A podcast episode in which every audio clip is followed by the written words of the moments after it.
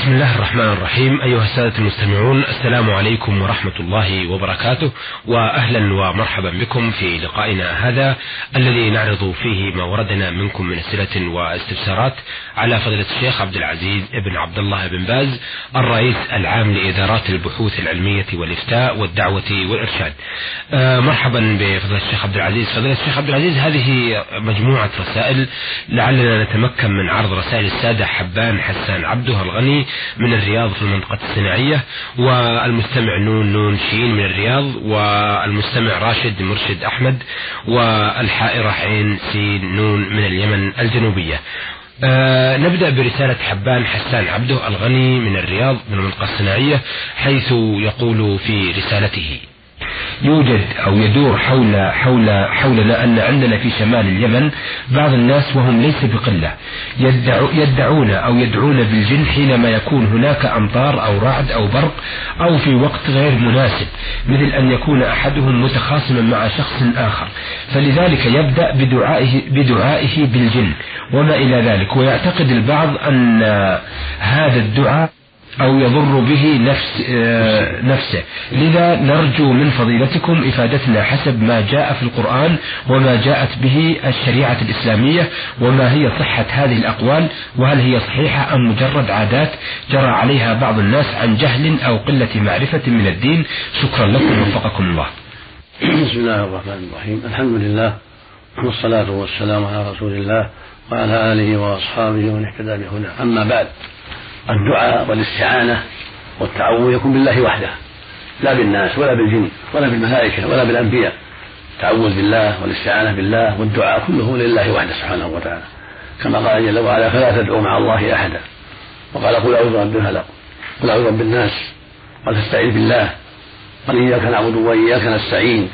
فلا يجوز لأحد يستعين بالجن ولا يدعوهم ولا يستغل بهم كأن يقول يا كذا أو يا كذا أغثني أو انصرني من الجن أو من الأموات أو من الأنبياء أو من الملائكة كل هذا لا يجوز. والله ذم من فعل ذلك فقال وأنه كان رجال من الإنس يعوذون برجال من الجن فزادوهم رهقا زادوهم طغيانا وضلالا أو زادوهم شرا إلى شرهم بسبب دعائهم إياهم. المقصود أن الدعاء والاستعاذة والاستغاثة والاستعانة كلها بالله وحده فلا يجوز يستعان بالجن. ولا يستعان بهم ولا يدعو مع الله كأن يقول لأجل خذوه أو يا شيطان فلان يسميه افعل كذا وافعل كذا أو انصرني على كذا أو أعذني من كذا أو عاوني على كذا كل هذا لا يجوز. مثلا من الشرك الأكبر. كذلك ما يفعل بعض الجهال عند الأموات يقول يا سيدي البدوي افعل كذا يا سيدي البدوي يا سيدي الحسين أنا في جوارك أنا في حسبك انصرني أو أرحمني أو اشف مريضي كل هذا من الشرك الأكبر. وهكذا لو قال عن غير هؤلاء كان يقول يا رسول الله؟ انصرني أو يا رسول الله اشف مريضي أو يا رسول الله اغثني كل هذا من الشرك الأكبر. لأن الميت مات انقطع عمله فليس له تصرف. لا الأنبياء ولا غيرهم. فلا يجوز دعاء الأنبياء ولا الاستغاثة بهم ولا النذر لهم ولا الذبح لهم بل هذا من أعمال الجاهلية ومن الشرك بالله سبحانه وتعالى. فالواجب على جميع المسلمين وعلى من يرغب في الإسلام أن يحذر هذه الأمور ويتباعد عنها وأن يخلص لله العبادة. وهذا هو معنى لا إله إلا الله. فإن معناها لا معبود حق إلا الله. فالله الذي يدعى ويرجع ويستعان به ويستغاث به ويتقرب به بالنذور والذبائح لا غيره. فالذين يتقربون بالذبائح أو بالنذور للأموات أو للجن أو للملائكة أو يستعينون بهم أو يسألون قضاء الحاجات أو تريد الكروب أو النصر على الأعداء أو شفاء المرضى كله شرك بالله. سواء مع الجن أو مع الأموات كالبدوي وغيره أو مع الملائكة أو مع الرسل وأفضلهم الرسول محمد صلى الله عليه وسلم كل هذا لا يجوز. بل يدعو ربه وحده. يا ربي حل بكذا يا ربي انصرني يا ربي اشف مريضي يا ربي اغثني يا ربي عافني. يسأل ربه جل وعلا. فلا تدعوا مع الله أحدا. ادعوني أستجب لكم. وجل وعلا ادعوني أستجب لكم. وإذا سألك عبادي عني فإني قريب. من دعوة الداعي إذا دعان. فلا يدعى إلا الله ولا يستغاث إلا سبحانه وتعالى. هذه أمور نكى عليها بعض الناس واعتادوها تبعا لأسلافهم وقد غلطوا في ذلك. والله سبحانه بعث نبيه محمد صلى الله عليه وسلم يبين للناس أن العباده حق الله وأنه لا يدعى مع الله أحد سبحانه وتعالى.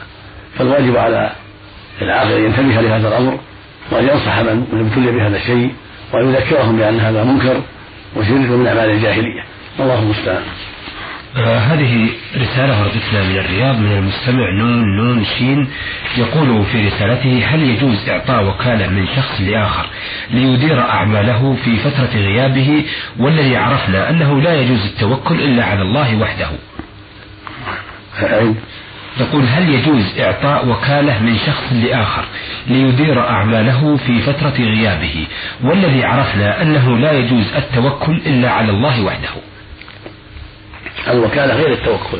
أيها السائل الوكالة كن يستري إنسان يقوم مقامه في إدارة عمله في بناء بيته في إصلاح سيارته في غير ذلك. هذا لا بأس وكالة تفضيل من إذن الله يأذن له يفعل كذا وكذا. أما التوكل هو الاعتماد على الغير. الاعتماد على الغير بأنه يتصرف في الأمور بقدرته. الله هو الذي يعتمد عليه ويتوكل سبحانه وتعالى. فالتوكل يكون على الله وعلى التوكل يعتمد عليه لأنه قادر على كل شيء لأنه مسبب الأسباب. فالاعتماد على الله والتوكل عليه سبحانه وتعالى ثم الإنسان مع ذلك يفعل الأسباب.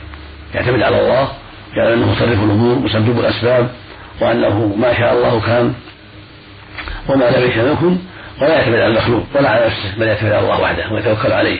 ومع هذا يأخذ بالأسباب ويتعاطى الأسباب فيزرع الأرض يغرس الغرس يبني ما يحتاج إليه يوكل من يحتاج إليه حتى ينوب عنه في الغراس في الزراعة. في البناء ليس في هذا بأس. الوكالة شيء والتوكل شيء آخر. أما كن يتوكل على إنسان يعني يعتقد فيه أن يتصرف الكون وأن يدبر الأمور وأنه له قدرة على التصرفات بدون مشيئة الله أو ما أشبه ذلك هذا لا يجوز مع المخلوق أبدا. توكل على الله وحده سبحانه وتعالى. سؤاله الثاني يقول التقويم السنوي الذي يكتب فيه التاريخ ومواعيد الصلاة مقدما. هل من يكتبه يعلم بالمواعيد مقدما ولا يعلم الغيب إلا الله؟ وهل استعمال التقويم حرام؟ وما حكم من يعمل وما حكم من يعمل التقويم؟ تقاويم معروفة لها طرق معروفة وحساب معروف ما هو من علم الغيب. نعم. لها تقاويم لها حساب معروف في ضبط مدى دخول الشهر وخروج الشهر وضبط الأيام والليالي بالدقائق والساعات كلها شيء معروف له طرق حسابيه معروفه ليس من علم الغيب فلا ينبغي أن تظن أنه من الغيب أيها السائل بل هذه أمور معروفة لها طرق ولها حسابات معروفة يسير عليها الحاسبون ويدركون معناها فلا فيها من من علم الغيب شيء. نعم. آه يقول ما حكم بيع السيارات الفخمة الغاليه الثمن والاثاث الغالي الثمن أيضا؟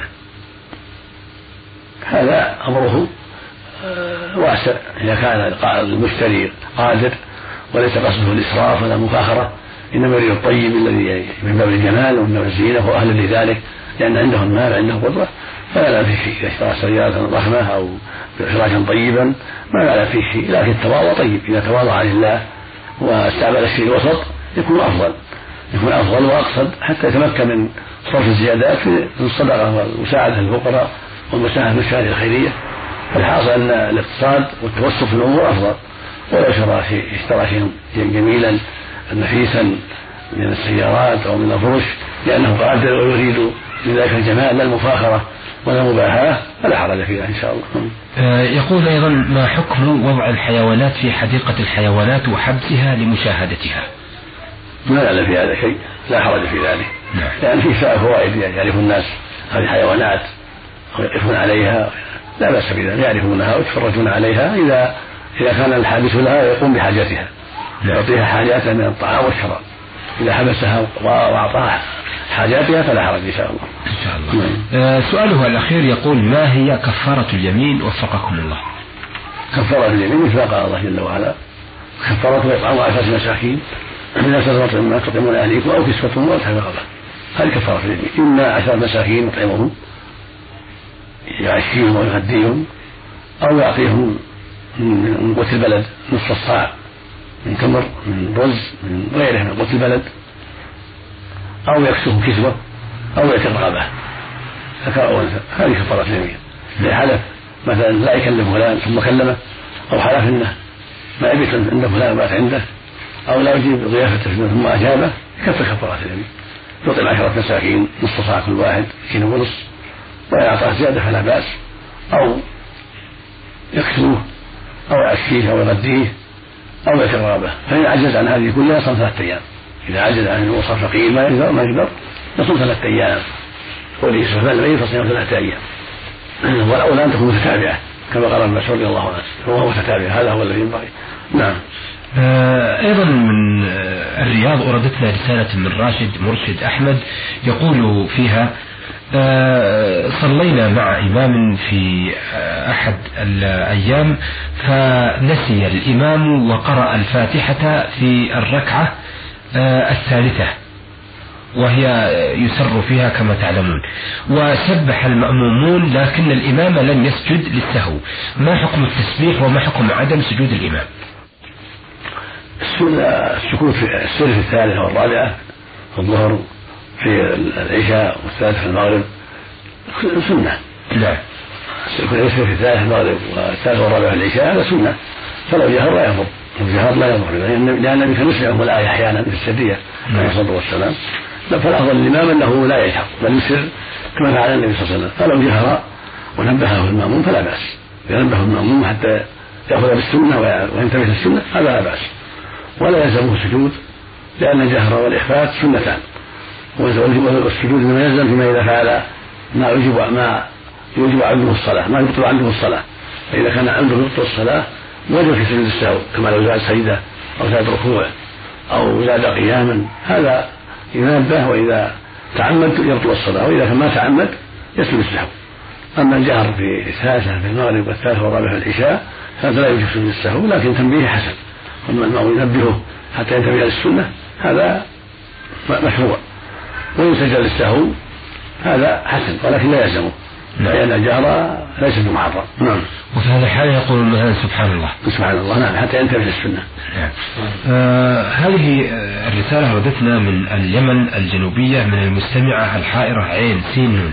تقول إني طالبة ثاني ثانوي ومؤمنة بالله ورسوله واليوم الآخر وأصلي وأصوم والحمد لله.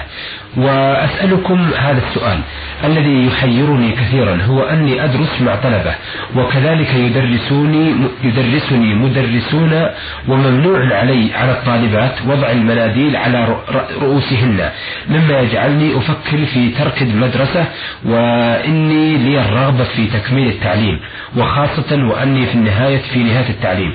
أفيدوني أفادكم الله ووفقكم لما يحبه ويرضاه. معلوم أن الحجاب أمر لازم والكشف للرأس والوجه ونحو ذلك أمر ممنوع والرأس أشد لأن الذين قالوا بجواز عدم الحجاب للوجه والكفين أما الرأس فلا بد من ستره فأيها الطالبة الواجب عليك ستره ستر الرأس وستر الوجه وأن يكون لك من من الستر ما يعينك على القراءة ولا تبالي بهم ولو استهزأوا ولو سخروا لا تبالي. حتى تكمل دراستك تكونين متحجبة مستترة بما شرع الله حتى تكمل الدراسة فإن لم تستطيعي فانفصلي والتمسي دراسة ليس فيها اختلاط في أي مكان. فإن الاختلاط في خطر وإذا كان مع التكشف صار خطره أكبر.